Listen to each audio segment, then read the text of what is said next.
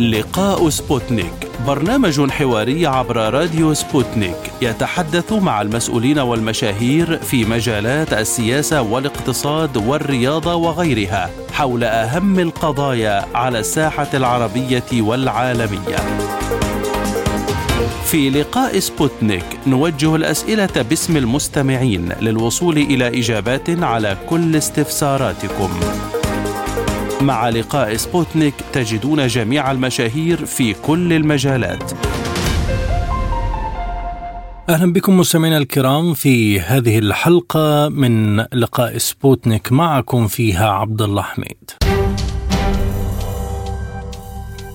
تستضيف القاهرة اجتماعا رباعيا يضم مصر والولايات المتحدة وإسرائيل وقطر لبحث موقف الهدنة في قطاع غزة بمشاركة رئيس المخابرات الأمريكية ويليام بيرنز ورئيس وزراء قطر محمد بن عبد الرحمن الثاني ومدير الموساد ديفيد برنيع.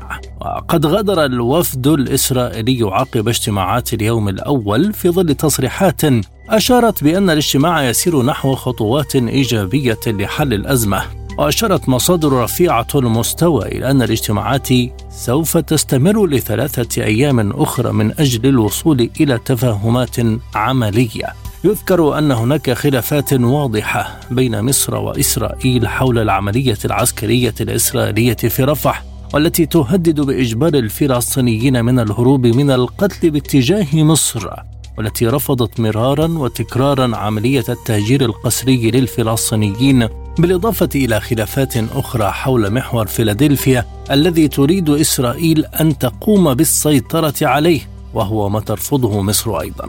في السياق نفسه قدمت جنوب إفريقيا طلبا عاجلا إلى محكمة العدل الدولية لاتخاذ قرار بإيقاف العملية العسكرية الإسرائيلية في رفح. وأكد المتحدث الرسمي باسم رئيس جنوب إفريقيا على ضرورة التحرك بشكل عاجل لضمان منع وقوع المزيد من أعمال الإبادة الجماعية في قطاع غزة. وطلب متحدث الرئاسة من محكمة العدل الدولية ممارسة سلطتها لحماية أوامرها واتخاذ تدابير مؤقتة دون عقد جلسة استماع نظرا لخطورة الوضع في رفح مؤكدا أن بلاده تنتظر رد المحكمة. وتتوقع جنوب أفريقيا أن تستجيب المحكمة بالسرعة اللازمة بالنظر إلى عمليات القتل اليومية المستمرة مشيرة إلى أن ذلك يستند إلى وقائع سابقة. وعبر المتحدث باسم رئيس جنوب إفريقيا عن قلقه البالغ إزاء ما سماه الهجوم العسكري غير المسبوق على رفح وقال إن هذا من شأنه أن يشكل انتهاكا خطيرا لكل من اتفاقية الإبادة الجماعية وأمر المحكمة الصادر في السادس والعشرين من يناير الماضي. وأصدرت محكمة العدل الدولية حكمها بشأن اتخاذ تدابير مؤقتة في القضية المقدمة من جنوب إفريقيا ضد إسرائيل الشهر الماضي بشأن ارتكاب إبادة جماعية في قطاع غزة. وأمرت المحكمة إسرائيل باتخاذ إجراءات عاجلة لمنع أعمال الإبادة الجماعية وضمان تدفق المساعدات الإنسانية إلى القطاع. وفي الوقت نفسه لم تأمر محكمة العدل الدولية بوقف فوري لإطلاق النار في قطاع غزة. فرنسا من جهتها قررت فرض عقوبات على 28 من المستوطنين الإسرائيليين المتطرفين في الضفة الغربية بسبب أعمال العنف التي يرتكبونها بحق الفلسطينيين. وجاء ذلك في بيان صادر عن الخارجية الفرنسية جاء فيه أن باريس اتخذت قرار فرض عقوبات على مستوطنين إسرائيليين متطرفين ارتكبوا أعمال عنف بحق مدنيين فلسطينيين في الضفة الغربية.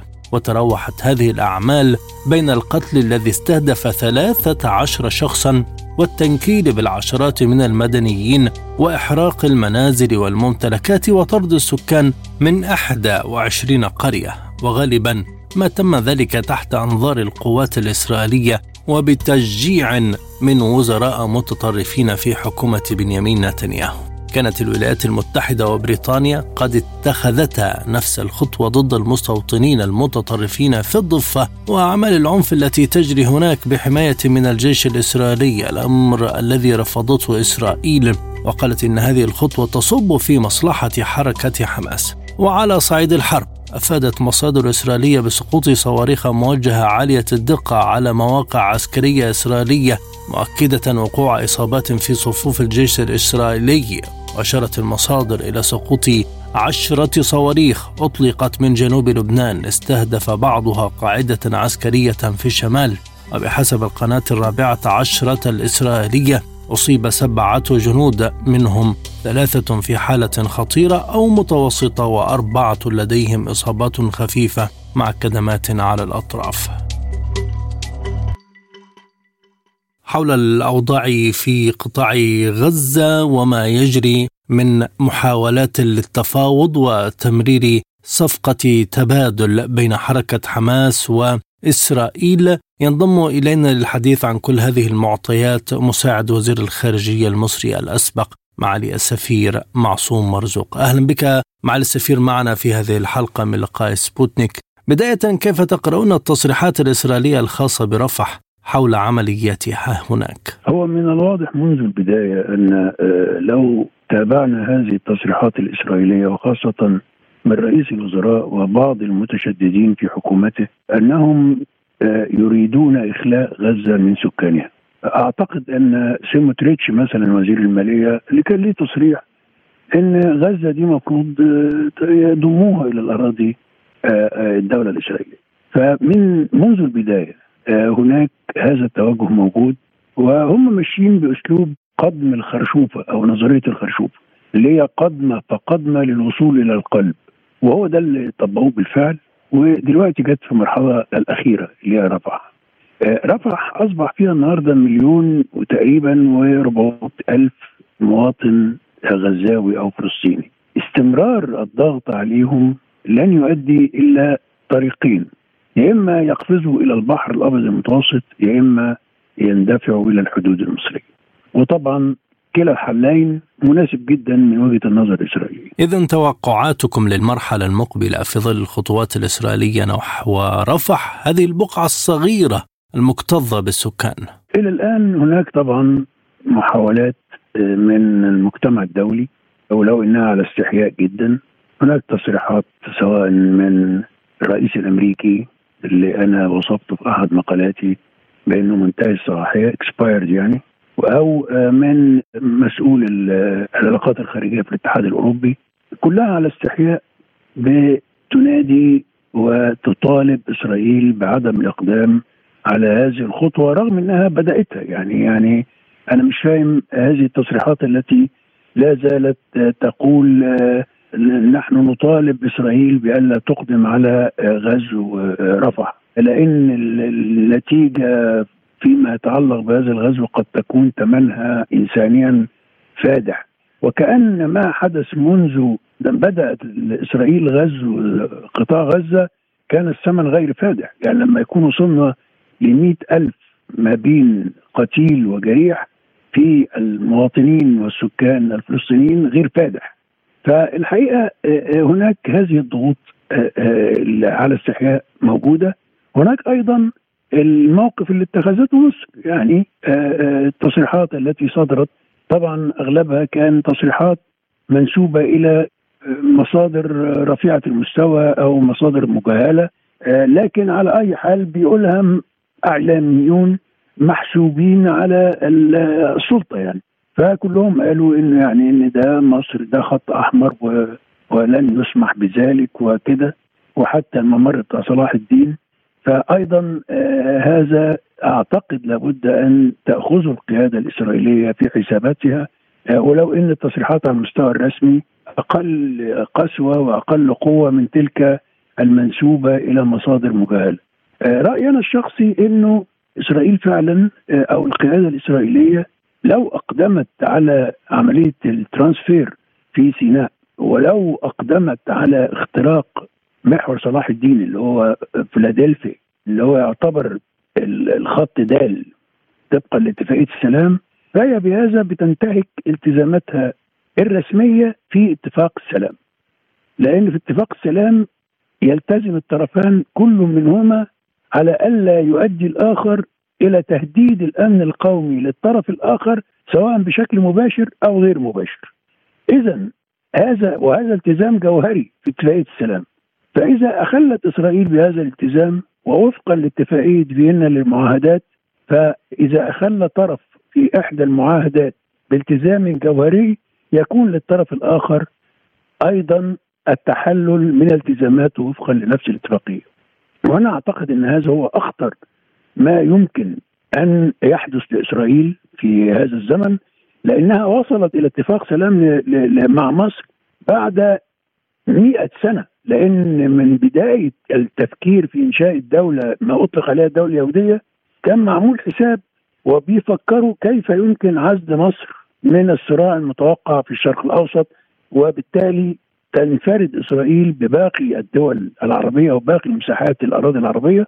فإذا خسرت النهاردة ما رتبت له وما تم في عصر السادات وبيجن وما تم في عهد حكومات إسرائيلية أكثر ذكاء ورشادة من توقيع مجموعة من الاتفاقات منها حتى أسلو يعني ما أسلو دي هي عبارة عن مخدر ولكنها مع ذلك كان تفكير سياسي سليم. يعني منع الانتفاضات لأن كان أسلو دي أعقبت الانتفاضات الفلسطينية.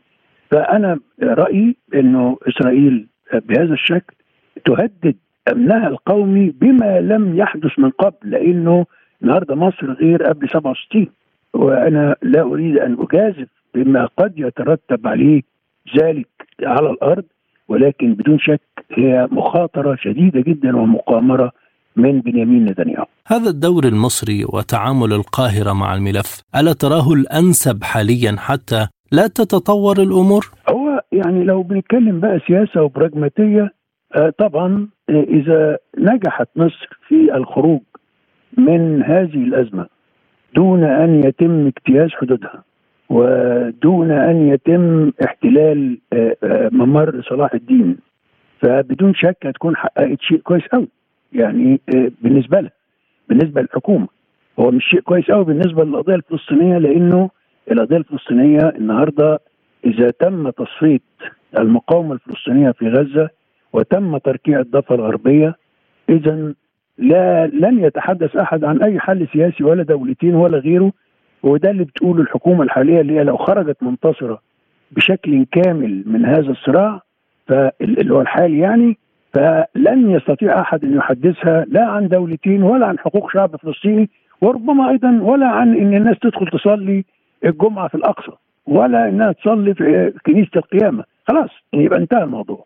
لكن الأسلوب اللي بتتبعه القياده الحكومة المصرية من ناحية التعامل السياسي شيء أمر جيد. يعني لو بنقيس بموازين الدبلوماسية إنها بتحاول لأقصى درجة إنها تحمي مصالحها وبتحاول إنها توجد حل من الممكن إن يتم تبليعه للفلسطينيين أو يتم موافقة الفلسطينيين عليه. في هذا الإطار آه شيء كويس. لكن الحديث عن حل الدولتين من جانب واشنطن والدول الغربية في أي إطار يمكن تحليله دبلوماسيا؟ يعني أنا من وجهة نظري ومن خبرتي بقى السنين الطويلة مع القضية الفلسطينية الحقيقة ما يتردد في العواصم الغربية وفي واشنطن على وجه الخصوص هو عبارة عن ستار الدخان فقط لإخفاء الجرائم اللي بيرتكبها النظام الصهيوني في الأراضي الفلسطينية. لأنه حل الدولتين ده بعرضته الدول العربية وكان تضحية كبيرة جدا وكان تنازل كبير سنة 2002 بناء على مبادرة الأمير عبد الله اللي كان ولي عهد السعودية في ذلك الوقت ومؤتمر قمة كان في بيروت وعرض العرب عرض مغري. لو في أي حكومة رشيدة في إسرائيل كان ينبغي أن تقفز التقاط هذا العرض لكن للأسف هم اعتبروا إن دي علامة ضعف وخرج قادة إسرائيل بعد ذلك يقولوا إن إحنا مين قال إن إحنا محتاجين لأسلوب الدولتين؟ نحن لا نرى في هذا حلا. وبدأوا يقول لك لا طب وهي الأرض نعيشها إزاي؟ طب لا المستوطنات في مستوطنات شرعية ومستوطنات غير شرعية. إحنا ممكن نفكر إن إحنا يعني المحكمة تاخد أحكام في إسرائيل بالمستوطنات غير الشرعية ويعني بدأوا هذا الأسلوب الالتفافي الطويل وكل هذا الوقت ومنذ 2002 إلى النهارده بل ومنذ اوسلو 1993 ما هو الأفكار بتاعت ما هو غزة وأريحة دي كان عبارة عن إيه؟ حكم ذاتي ممتد توطئة لإنشاء الدولة الفلسطينية. يعني فمن 93 لغاية النهارده كل هذه السنين المترامية وممتده وكانت أمريكا هي الوسيط الفعال. لو تذكر كان في مبادرة تينت اللي هو كان رئيس المخابرات الأمريكية مخابرات السي آي اي ومبادرة الرباعية ومبادرة الرئيس كلينتون ومبادرة كأن مبادرات تتالت وتزاحمت على مر هذه السنين وهم يمضغون مسألة حل الدولتين ويلقون بها كالطعم لكي يجهضوا أي محاولة للمقاومة في الجانب الفلسطيني ولكي يجهضوا الانتفاضات التي كانت تهب من حين لاخر في الأراضي الفلسطينية. والآن هو نفس السبب في إلقاء هذا الطعم الآن أو هذه الستارة من الدخان كي يخفوا حجم الجرائم الضخمة اللي بترتكب إسرائيل على اعتبار يعيشوا العالم ويعيشوا فلسطين على وهم أن كل ذلك سوف يحل قريبا عن طريق زي ما دمرت العراق وقيل وقت ذاك إن إحنا هنعمل مؤتمر في مدريد لمجرد ستاره دخان ضخمة جدا لإخفاء حجم الجرائم التي ارتكب والمئات الآلاف من العراقيين الذين قتلوا بغض النظر عن صدام حسين ونظامه يعني. لكن تم قتل العراقيين بلا شفقة وبلا أي ضرورة عسكرية. موتوا مئات الآلاف من العراقيين ثم نشروا هذه الستاره الضخمة من الدخان مؤتمر مدريد يعني هنديكم فلسطين مقابل العراق اللي راحت. ولم يحدث. لا العراق رجعت ولا فلسطين رجعت. معالي السفير هل الدول الغربية مع هذه المعطيات قادرة على الضغط على إسرائيل؟ لا أظن. يعني لقد رأينا عندما تقاطر حكام الغرب برئاسة أمريكا على غرفة عمليات إسرائيل صبيحة أو عشية بدء إعلان إسرائيل الهجوم على غزة. تقاطروا على غرفة العمليات العسكرية. يعني تلاقي رئيس أمريكا واقف في وسط غرفة العمليات العسكرية في تل أبيب وتلاقي الرئيس الألماني والإنجليزي والفرنساوي. يعني هؤلاء كلهم حساباتهم الانتخابية بتعتمد على إن المال اللي موجود واللي حاكم في العالم هو مال صهيوني وبتعتمد على إن السينما والإعلام سينما وإعلام صهيونية وأن الصهيونية فعلا بتسيطر على مراكز مهمة وأعصاب مهمة في صناعة المراكز في الغرب وفي أمريكا منصب الرئيس ومنصب رئيس الوزراء عبارة عن دعاية وفلوس بتصرف يعني زي أي منتج زي البيبسي كولا بالظبط. فده محتاج للمال الصهيوني وهو موجود وبيغدقه بكتير جدا جدا وبيساعدوا هؤلاء فضلا عن الإرهاب اللي هو مستخدم منذ نشأة هذا الكيان الصهيوني. كلما انتقدت سياسة لهذا الكيان أو ارتكب جريمة وحاولت أن تنتقد هذه الجريمة حتى في الإعلام الغربي ولو بشكل موضوعي يقال عنك أنك معادي للسامية وكأن إسرائيل أو هذا الكيان الصهيوني معصوم من أي انتقاد ولأن أي انتقاد ليه معناه انتقاد للسامية رغم أنهم لا يمثلون سامية ولا يتجاولوا لو بصيت للتركيبة السكانية في إسرائيل حاليا. بعضهم جايين من شرق أوروبا وبعضهم جايين من إثيوبيا وبعضهم جايين الفلسطينيين في هؤلاء السكان اللي هم أصلهم يعني كانوا قاعدين في فلسطين. لا يمثلون سوى 2 3% فقط. أما الباقي كله فهم لا ساميون يعني جنسا لا ساميون رغم إن أنا لا أفضل الحديث بهذا الشكل الشكل الجنسي أو العرقي لأن ده عبارة عن انحطاط وعودة بينا إلى المجتمعات بتاعت أهل الكهف يعني المجتمعات الحجرية. فطبعا هذه الحجج كلها بتخوف القادة في الغرب من إنه ياخد موقف حقيقي. هو في حد يقول إن أوكرانيا الغرب كله بيتحدث عن إن روسيا بترتكب مذابح في أوكرانيا رغم إن إحنا شايفين يعني إن هم مسلحين أوكرانيا ومدينها مليارات بسلاح وأموال وبتاع عشان تدافع عن نفسها ولا يفتحون فمهم بينما الأبرياء السكان المدنيين الذين لا يملكون سكينا ليدافعوا عن أنفسهم يذبحون يوميا ولا يتحدث أحد بل يكتمون الإعلام والإعلام أحيانا كمان منافق في الغرب فإحنا أنا لا أتوقع الحقيقة إن هم هيضغطوا على إسرائيل هم لا يملكون ذلك ولا يرغبون في ذلك.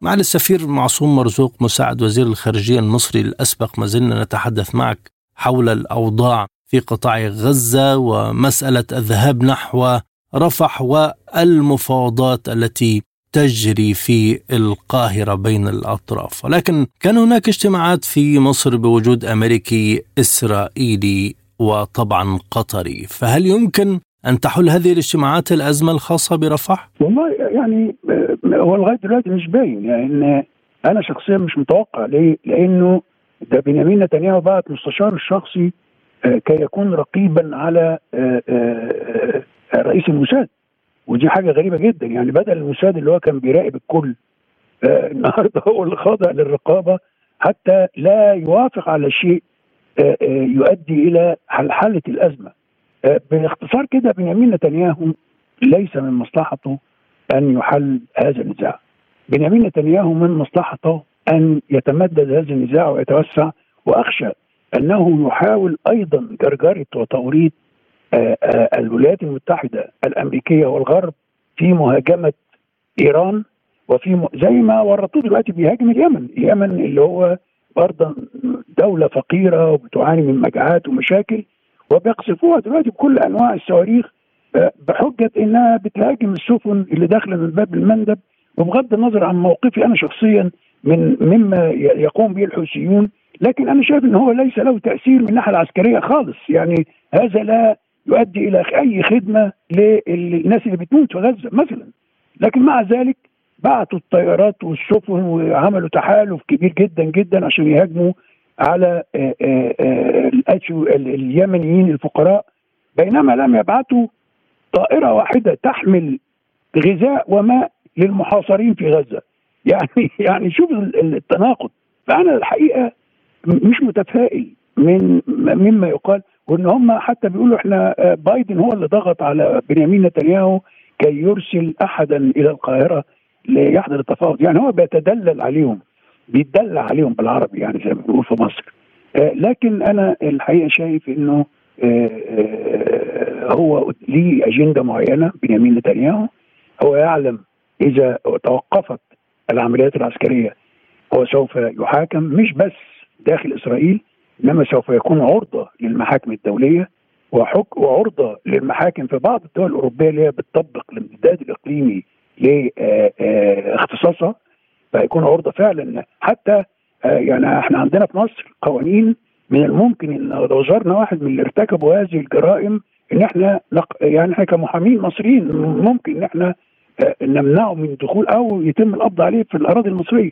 فهناك كثير من ده هو يعلم بنيامين نتنياهو أن مصيره السياسي قد أغلق وإنه هذه خاتمة حياته السياسية وبالتالي هو بيحاول يمدها بأي شكل من الأشكال وأنا أعتقد إن هو في حالة إنكار حاليا وبالتالي لا أتوقع منه أو من حكومته الحالية إن هم يتوصلوا لأي صيغة أو هيتوصلوا لصيغة تضر بالوضع بتاع أهل غزة وطبعا هتضر بالوضع الإقليمي كله. بالأمس تحدث إعلام عبري عن عودة وفد إسرائيل من القاهرة دون نتائج، لكن الإعلام العربي وما رشح من تصريحات أفادت بأن المفاوضات ما زالت جارية. هل كان لهذا الأمر مقاصد معينة؟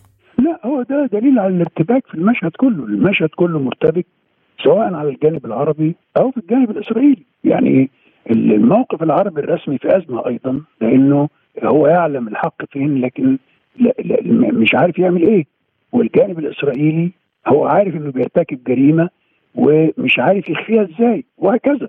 فهو ده موقف مرتبك لكل الأطراف الموجودة دلوقتي. المجتمع الدولي أيضا مرتبك لأنه مرتبك لأنه يعلم تماما إنه بيخفي جريمة سوف يحاسب عليها كما قيل قبل ذلك عن المحرقة بتاعه هتلر آآ إنه سكوت العالم عليها أدى إلى استفحالها وبالمناسبة ما ماتش فيها يهود وبس ده مات فيها غجر وشواذ بملايين برضه لكن طبعا هي تم رسمها وكأن لم يمت في هذه المحارق غير اليهود ومع ذلك هو طبعا جريمة.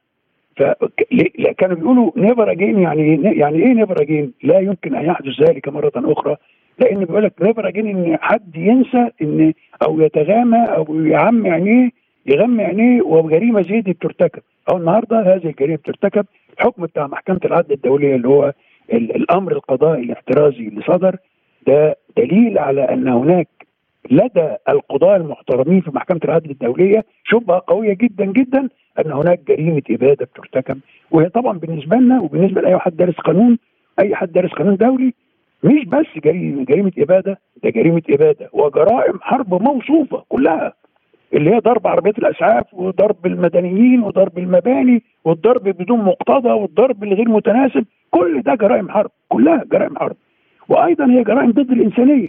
فكل هذه الجرائم التي ترتكبها إسرائيل النهارده دي يعلم قاده الغرب أنهم ربما في يوم من الأيام واحد زي الرئيس الألماني ده اللي قال إحنا هنبعت سلاح لإسرائيل وندعمها في الدفاع عن نفسها أو البريطاني أو غيره قد يكون في يوم من الأيام وده شيء مش بعيد على ربنا يعني إن المحكمة الجنائية الدولية تشتغل والمدعي العام اللي هو قاعد ساكت لغاية دلوقتي إنه يشوف شغله ثم يقدم الاتهامات بالأسماء الحقيقية لأن في جرائم الحرب وجرائم الإبادة مش بس مرتكب الاصلي للجريمة يحاسب إنما أيضا المحرض عليها وأنا مش عايز أقول بقى من وجهة نظري كمان والصامت على ارتكابها رغم أنه كان يستطيع أن يمنعها. ما هو المطروح على الطاولة حاليا مع تعنت إسرائيل بعد عرض حماس الأخير ردا على مسودة باريس؟ هم هم قالوا هم مش معترفين دلوقتي بالصيغة بتاعت باريس. يعني بعد ما كانت الورقة بتاعت هذه الصيغة وراحوا رؤساء المخابرات قعدوا في باريس و... ورجعوا فرحانين بإن جايبين الموسيقى وادوها لاسرائيل واسرائيل طب قالت هنستنى رد حماس عليها.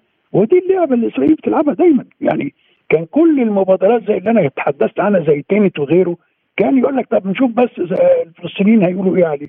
ويستنوا. إذا الفلسطينيين رفضوها يبقى من بابه كده يقول لك أهو هم رفضوا نعمل لهم إحنا كنا عايزين نوافق عليه.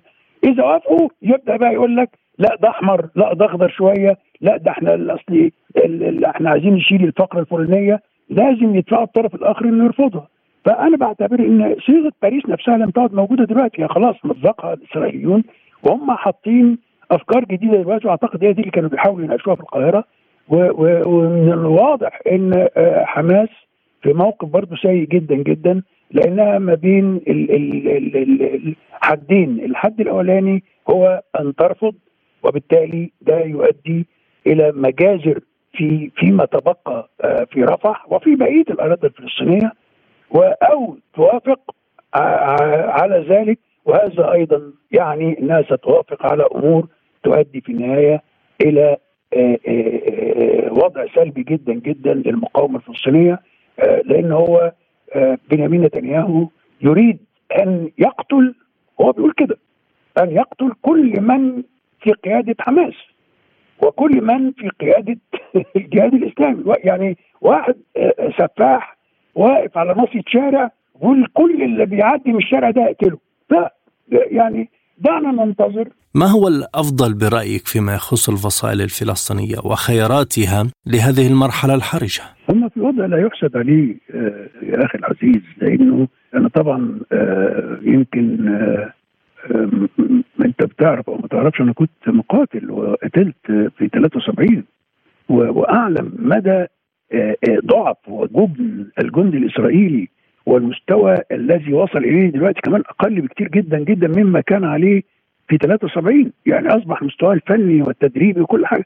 إنما هو بيستغل قوة النيران ودي استخدمها معانا في الثغرة وأنا متذكر جدا.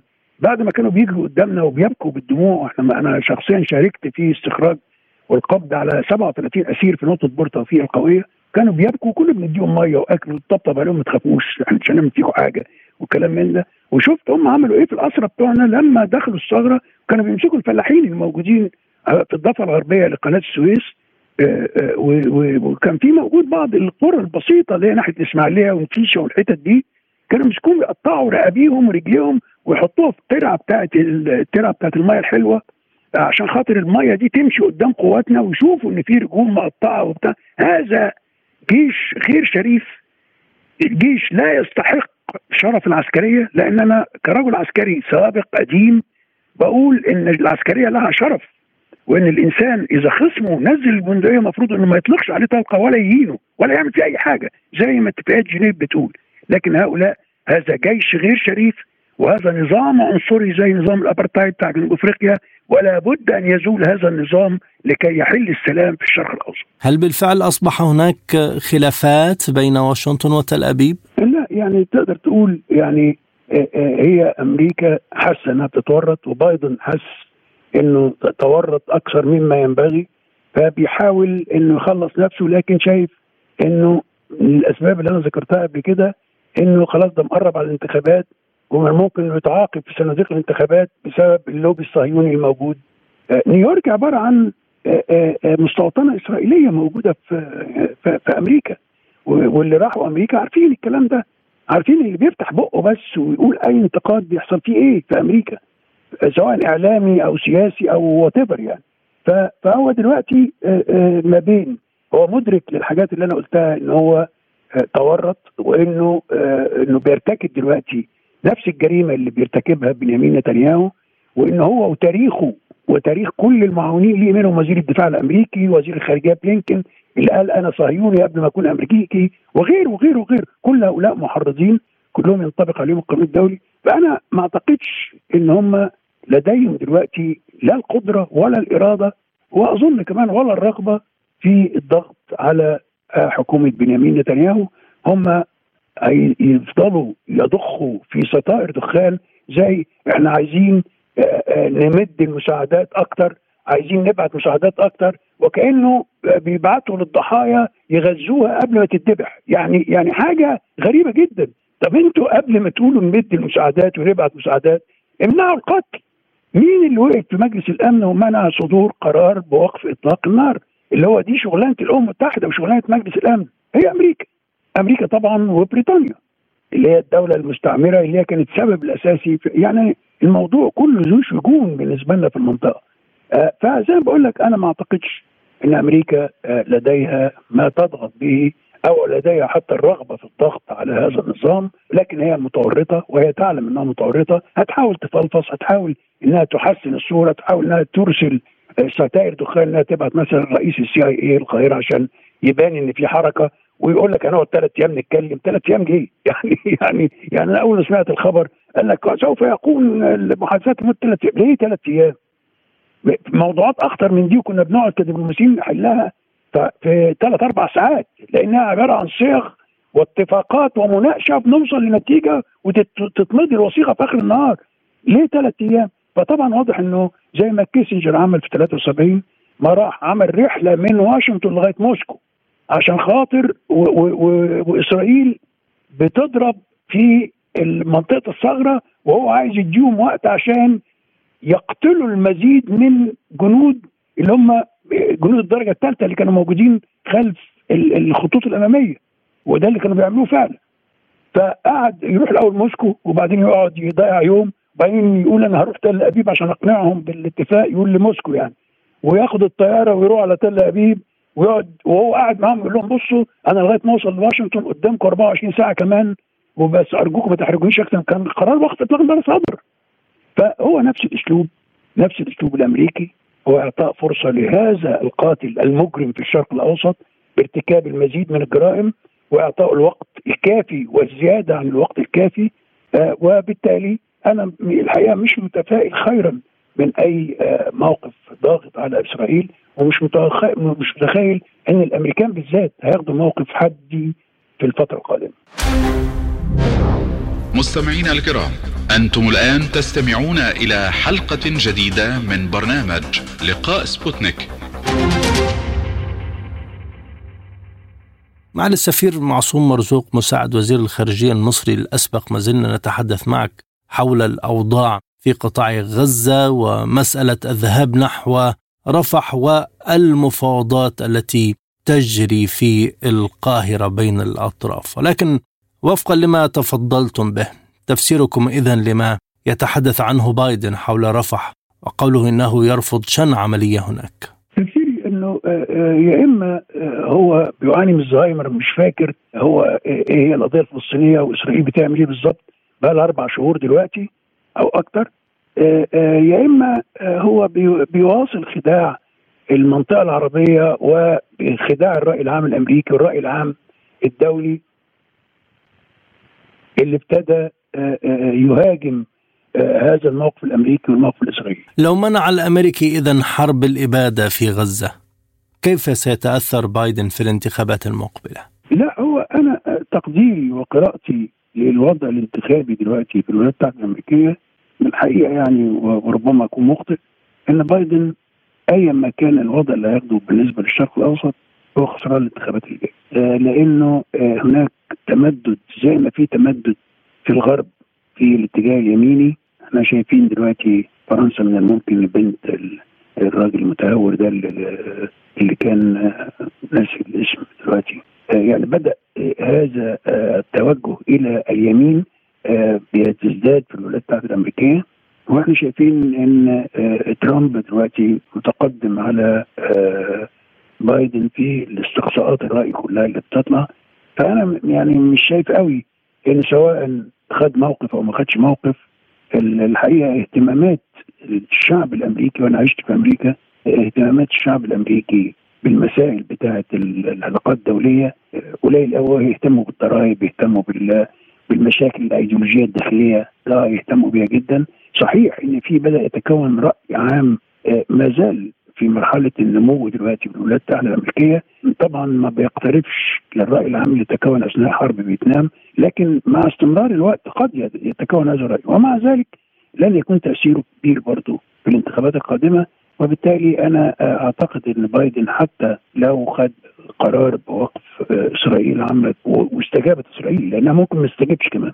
لن يؤثر هذا آه، في إنه مثلا هيبقى تأثير إيجابي ويكسب الانتخابات أو أنا في رأيي إن هو يخسر الانتخابات ورأيي إن هو وترامب الاثنين اسوء من بعض وربما الأفضل لأمريكا والعالم أن يكون هناك مرشح ثالث لا ده ولا ده هل لو جاء ترامب ستنتهي كل هذه المشكلات الدولية والتصعيد من واشنطن في ظل أنه ينتهج يعني وجهة نظر اقتصادية؟ لا لا لا, لا. ترامب ما هو عبارة عن الممثل لهذا التيار المتطرف اليميني الأعمى وده حتى اقتصاديا آه، هو وإن بدا بعض المكاسب الاقتصادية في البداية نتيجة لانتعاش الاستثمارات ونتيجة لتخفيض الضرائب وكده إلا إنه في النهاية بالحساب الاقتصادي البحت الاقتصاد هيتأثر ويهتز طبعا. وبعدين آه، آه، حتى في مسائل العلاقات الدولية ده واحد ترامب أساسا إنسان ليس لديه أي خبرة على الإطلاق بالعلاقات الدولية. يعني وبالتالي أظن أن سوف يزداد الارتباك على المستوى الدولي وإذا أنت كنت ممسك الميزان اللي بيوزن العلاقات الدوليه في العالم للولايات المتحدة الأمريكية واللي ماسك الميزان ده في واشنطن واحد يعني مع احترامي للولايات المتحدة الأمريكية والشعب الولايات المتحدة الأمريكية واحد مختل أساسا وده مش الوصف من عندي ده الوصف من كثير من كتاب السياسة في أمريكا نفسها فطبعا ده وضع الاتزان العالمي هيهتز بدون شك يعني. طيب معالي السفير مصر أرسلت قوات إلى سيناء، ماذا كانت الرسائل من هذا التطور برأيك؟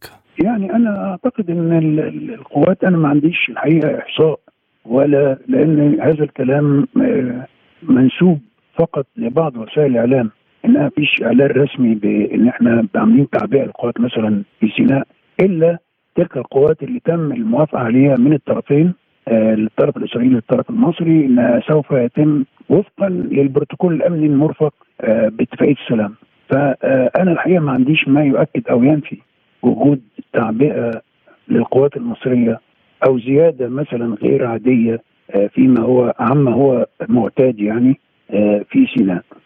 وما فيش حاجة على الأرض لأن المسائل دي ما بتتمش مثلا سرا. يعني دي دبابات بتتحرك وطيارات بتتحرك يعني. أكيد يعني مسائل زي دي بتتسمع وبتتشاف. فليس لدي معلومات في هذا الموضوع. كيف يمكن تقييم الموقف المصري حتى الآن من أزمة غزة ككل؟ للموقف الرسمي العربي كله مش مصر لوحدها في أزمة لأنه إحنا نعلم بالنسبة لمصر على سبيل المثال الأوضاع الاقتصادية اللي بتجتازها البلد وهي آه، يعني أوضاع دقيقة جدا وحساسة جدا ومش محتاجة أزمات إضافية يعني مجرد إن الحوثيين آه، عملوا آه، هذه الأكروبات النيرانية في مدخل باب المندب داخل قناة السويس تناقص زي وفقا للمسؤولين فيه يعني في هيئه قناة السويس 30 أو 40% يعني ده الاكسبكتنج يعني ده المتوقع. آه، فده يؤدي إلى مشاكل السياحة في مصر مثلا. كان برضو هناك حسابات إنها تدخل بعض العملة الصعبة. فعلى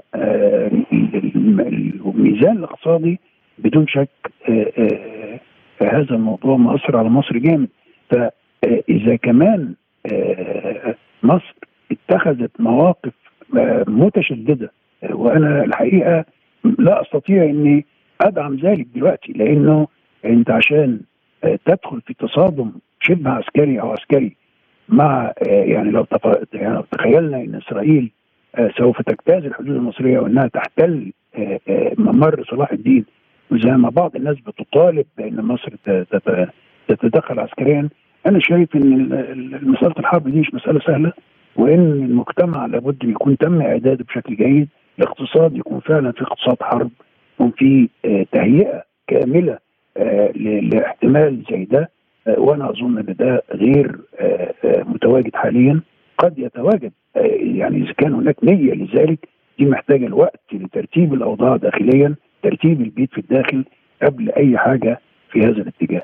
وبالتالي فدي أزمة يعني أزمة إنك بتواجه بموقف قد يهدد أمنك القومي وأنت مش متأكد بالظبط عما إذا كنت ستستطيع أو من مصلحتك إنك تستخدم كل القوة بتاعتك في الدفاع عن أمنك القومي في هذه الحالة ولا لأ.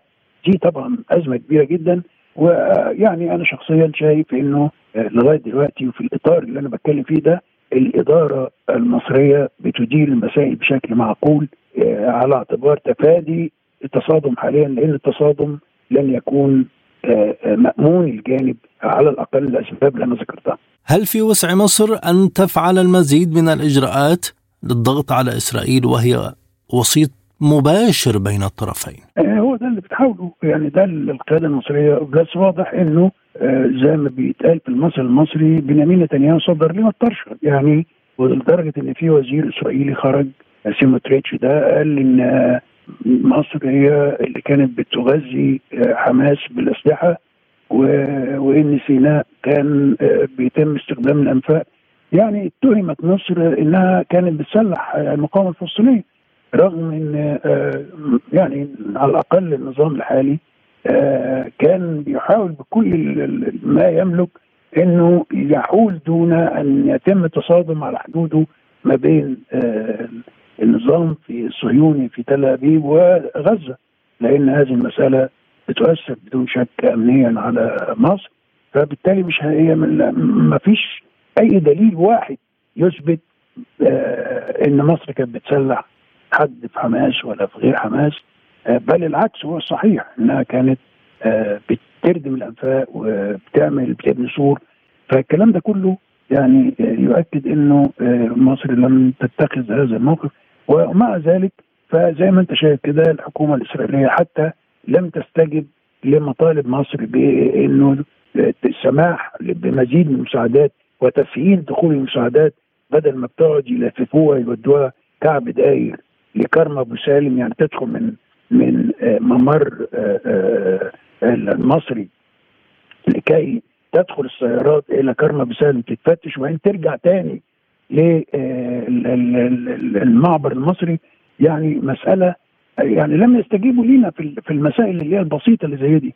هل يستجيبوا لوساطه تمنعهم من من تنفيذ خطط شيطانية في دماغهم وهم وواضح إن هم عايزين ينفذوها بالنار. يعني هل الاسترحامات اللي كل الدول العربية كانت ما للا يملكون سوى هذا. كل الدول العربية.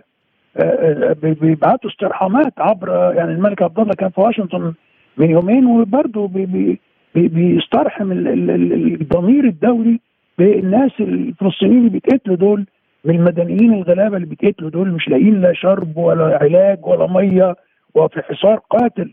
مش بس من 7 أكتوبر لا ده من قبل ذلك غزه محاصرة فأنا لا أظن إنه النظام الحالي في تل أبيب ينصت لأي حد إذا كانش بينصت لحلفائه وينصت لمصر لا لا أظن إن مصر تستطيع إنها تؤثر في الأوضاع الحالية على الحكومة الحالية في إسرائيل. إلى أي حد يعني المنطقة مهددة بحرب إقليمية بين تحالفات مختلفة؟ هو طبعا ال ال ال أنا كتبت ده على فكرة. ال الاحتمال قائم. وطبعا طبعا لا يتمنى أحد ذلك يعني. إسرائيل بتحاول إنها زي ما قلت إنها تورط الولايات المؤذية فرصتها. إنها تورط الولايات المتحدة الأمريكية في ضرب أحد خصومها الأقوياء في الشرق الأوسط اللي هي إيران.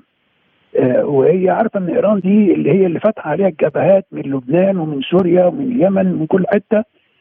بالإضافة إنها عايزة تحول دون أن تمتلك إيران القدرات النووية فمن مصلحتها زي ما كان من مصلحة النظام الإسرائيلي أيضا ضرب العراق وهم برضو اللي ورطوا وغلاة المحافظين الجدد في الولايات المتحدة الأمريكية اللي أغلبهم صهاينة هم اللي سعوا إلى ضرب العراق رغم إنه كان ثابت تماما. اولا العراق ليس لها علاقة بالإرهاب ولا ب ما هو موجود في أفغانستان على الإطلاق بل على العكس كان صدام حسين ضد هذه الجماعات الإسلاموية إذا يعني إذا صح قول ذلك.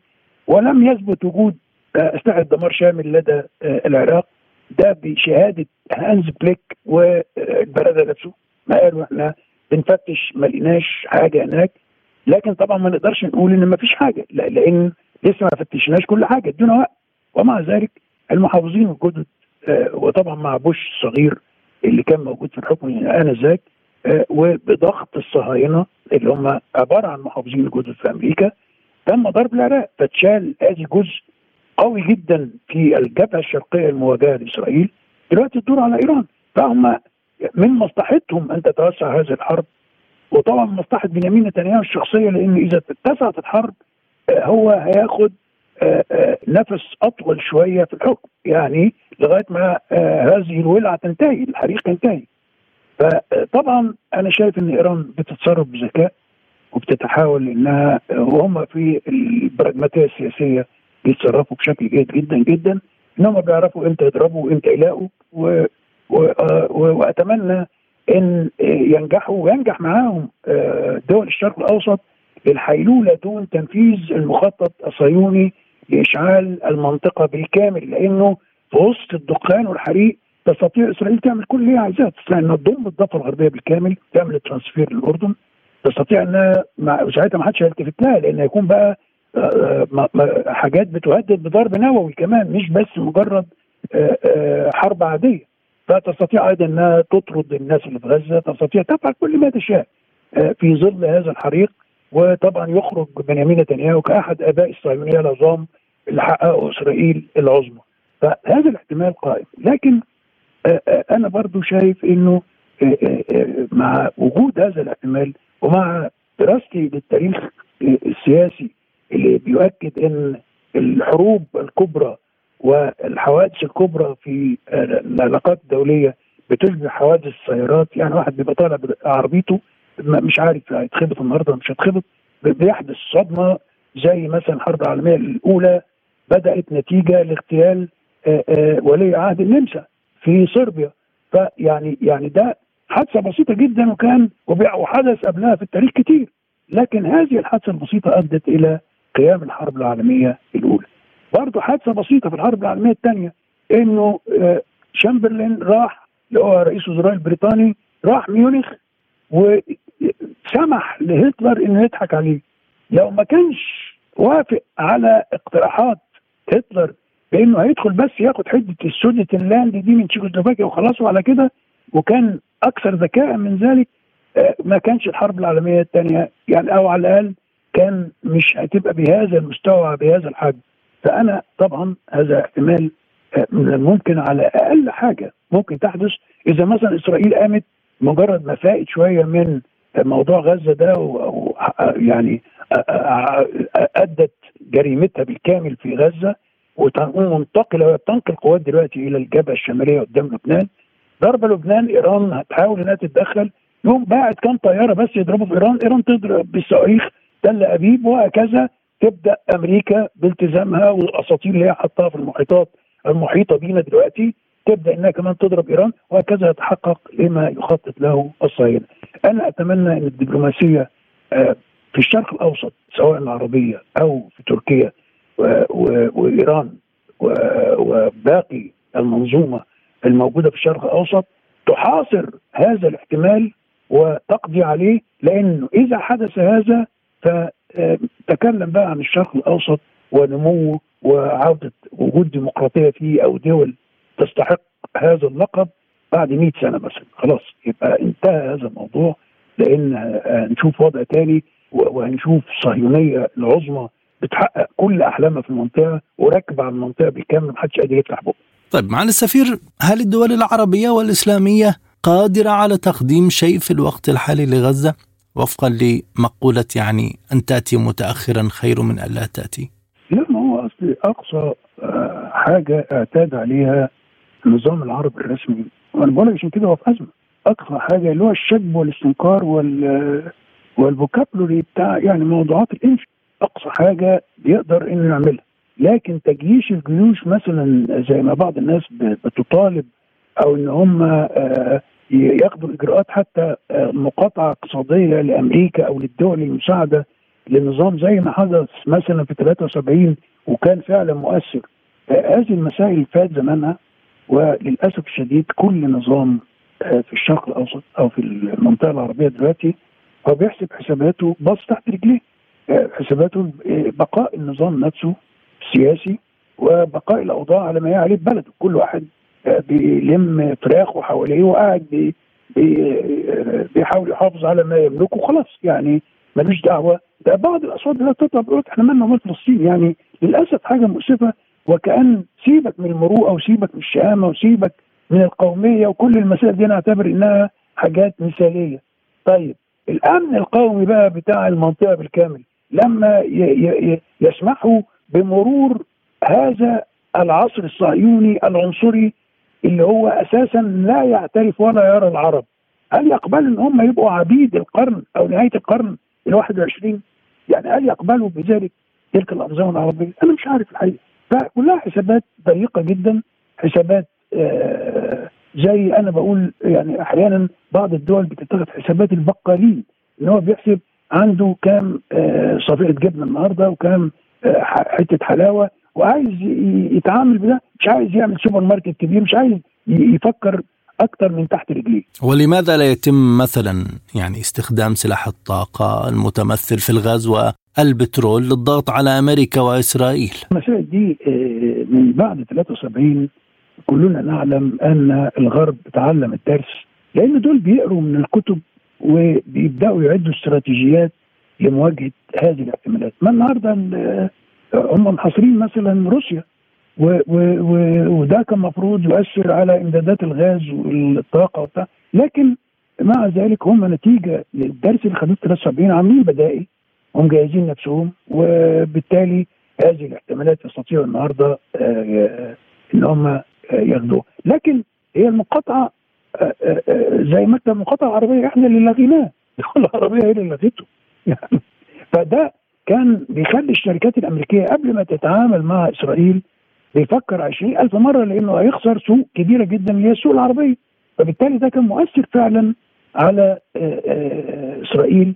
وبالتالي كانوا بيطالبوا دايما بإنه لازم مكتب المقاطعة ده وأسلوب المقاطعة العربية كانوا بيعتبروا إن ده برضه معاداه للساميه وبتاع وكلام من فيعني أنا بتكلم عن الحاجات اللي هي القليلة دي اللي كان ممكن إنها تتم. مثلا منع الموانئ العربية مثلا الموانئ الإسلامية من التعامل مع السفن سواء اللي هي آه، آه، إسرائيلية أو اللي بتمد إسرائيل بالسلاح من الدول اللي بتمد إسرائيل بالسلاح. إن هم العمال نفسهم من النقابات العمالية فكل حتى هذه الهيئات والمنظمات غير الحكوميه اللي كان ليها دور مثلا في الخمسينات والستينات من القرن الماضي آه، كل للأسف الكلام ده كنت بتسمع في باكستان مثلا إحنا ساعة ما اتحرق المسجد الأقصى في سنة 68 تم إحراق عدد كبير من المؤسسات والجهات الأجنبية في العالم الإسلامي كله. آه، الكلام ده خلاص يعني لأنه تم تدجين وتخويف وارعاب آه، للأسف الشديد عن طريق أنظمة استبدادية في العالم الإسلامي كله. إلا من رحم ربك يعني آه، بأنه المجتمع دلوقتي بقى عايش من إيده لبقه. يعني يا دوبك بيستطيع إن هو يعيش اقتصاديا وراعبينه من إن أي احتمال لمواجهة الغرب قد تؤدي إلى تجويعهم أكثر ما هم جعانين فعلا. فده للأسف الشديد هو ده ده الوضع اللي إحنا لابد ان نبقى واقعيين ونعترف بيه ولابد أن تعمل الأجيال الجديدة بقى على تغيير هذا الواقع إلى واقع أفضل. بما أن إسرائيل تضرب رفح وتقتل مدنيين هناك وتهاجم كذلك وكالة اونروا فهل هكذا أصبح دخول المساعدات مستحيلا مما يفاقم الازمه الانسانيه؟ هو إن إسرائيل تضرب منشآت الاونروا ده جريمة حرب في حد ذاتها وجريمة موصوفة المفروض إنها تحاسب عليها زي ما قال كده السكرتير العام للأمم المتحدة اللي هم بيهاجموه دلوقتي بيقولوا إن هو معادل للساميه وكمان. إنما مش القضية مش هنا. القضية يعني إذا ارتكب المجرم جريمة فهو مجرم. يعني إحنا عارفين إن هو مجرم. إنما إن الدول بقى اللي هي ليها إسهامات وتبرعات بيسموها تبرعات لكن هي التزامات عليهم لميزانيه الاونروا ويعلنوا سحب تبرعاتهم أو إسهاماتهم في الاونروا فده جريمة مضافة الحقيقة. يعني يعني عارفين إن هذه المنظمة الدولية هي المتنفس الباقي والوحيد لشعب مغلوب على أمره زي الشعب الفلسطيني ثم إنه هي صدرت مع تهجير الناس. أنت عارف هي وكالة غوث وتشغيل اللاجئين. يعني دي صدرت مع بداية ظهور ظاهرة اللاجئين وهي لتأهيلهم للعودة إلى حيفا ويافا تاني. يعني يعني هي مش بس غوث وتاهيل لا هي المفروض إنها بتعدهم عشان يحكموا نفسهم وعشان اللي خرج من داره يرجع تاني. ده سنة 47 و48 هذا الكلام سنة 49 تم إنشاء الاونروا دي عشان تعمل ده تحديدا يعني. فكل الدول دي تسحب ال contributions أو المساهمات بتاعتها دي أنا بعتبرها جريمة ونفاق دولي. إن يقول لك إن في ثمانيه إسرائيل بتتهمهم ثمانيه من الموظفين الفلسطينيين في الاونروا إن هم كانوا شاركوا مع حماس. حتى لو خدنا بهذه الأكاذيب اللي هي اسرائيل اعتادت عليها عشان تلفت نظر الناس بعيدا عن الجريمة بترتكبها حتى لو قلنا ماشي في ثمانيه فعلا ارتكبوا هذه الجرائم. الاونروا بيشتغل فيها فوق ال 14000 موظف فإذا كان منهم ثمانيه مخطئين بقى يعني ده نسبة قليلة جدا جدا. أخيرا معالي السفير يعني جنوب أفريقيا قدمت طلبا جديدا لمحكمة العدل الدولية تطالب فيه بوقف توسع الحرب في رفح كونها مكدسة بالسكان. فهل يمكن للمحكمة أن تتخذ قرارا جديدا وفقا لإجراءاتها السابقه؟ آه ممكن لأن هي اتخذت هو بيسموه أمر قضائي. هي اتخذت أمر قضائي الزمت فيه إسرائيل بأنها لا تقوم بأي شيء يؤدي إلى مزيد من الضحايا المدنيين. وطلبت إن إسرائيل بعد شهر تقدم لها تقرير هي عملت إيه؟ عشان تحول دون وقوع مزيد من الضحايا المدنيين. فطبعا من الواضح إن رفح بهذا الشكل إذا هاجمت إسرائيل فهو إجراء وقائي يدخل ضمن الإجراء التحذيري أو الأمر القضائي التحذيري اللي اتخذته المحكمة. وبالتالي من الممكن المحكمة تنعقد وتنظر في هذا الطلب وتصدر أمر قضائي آخر ملزم لإسرائيل بأن تنفذ الأمر السابق طبعا وتلتزم به وإنه لا تقوم بأي إجراء في رفح تستطيع إنها تأخذ المحكمة هذا القرار مع الحيثيات اللي أنا ما شفتش الحيثيات الحقيقة اللي حطها جنوب أفريقيا والحقيقة أنا عايز انتهز هذه الفرصة عشان أحيي هذه الدولة العظيمة جنوب أفريقيا على ما قامت به وهي الحقيقة يعني أنا كنت قابلت نيلسون مانديلا سنة 94 وهو قال وقال لي هذا الكلام وأنا نشرته قال إنه إسرائيل هي عبارة عن التجسيد الباقي لدول دول الفصل العنصري كان الأول زيمبابوي وانتهى في زيمبابوي وبعدين جنوب أفريقيا وانتهى في جنوب أفريقيا قال الدور على إسرائيل وما تيأسوش لأن النظام الصهيوني لابد من إزالته من فلسطين كي يعيش اليهودي والمسلم المسيحي بسلام فيما بعد في فلسطين. فليس المسألة الدعوة لتدمير إسرائيل وإنما هي الدعوة لإنهاء هذا النظام العنصري في فلسطين. نحن نشكرك جزيل الشكر معالي السفير معصوم مرزوق مساعد وزير الخارجية المصري الأسبق. كنت معنا ضيفا كريما في هذه الحلقة من لقاء سبوتنيك. نشكركم كذلك مستمعينا الكرام على طيب المتابعة. دمتم في رعاية الله وحفظه. إلى اللقاء.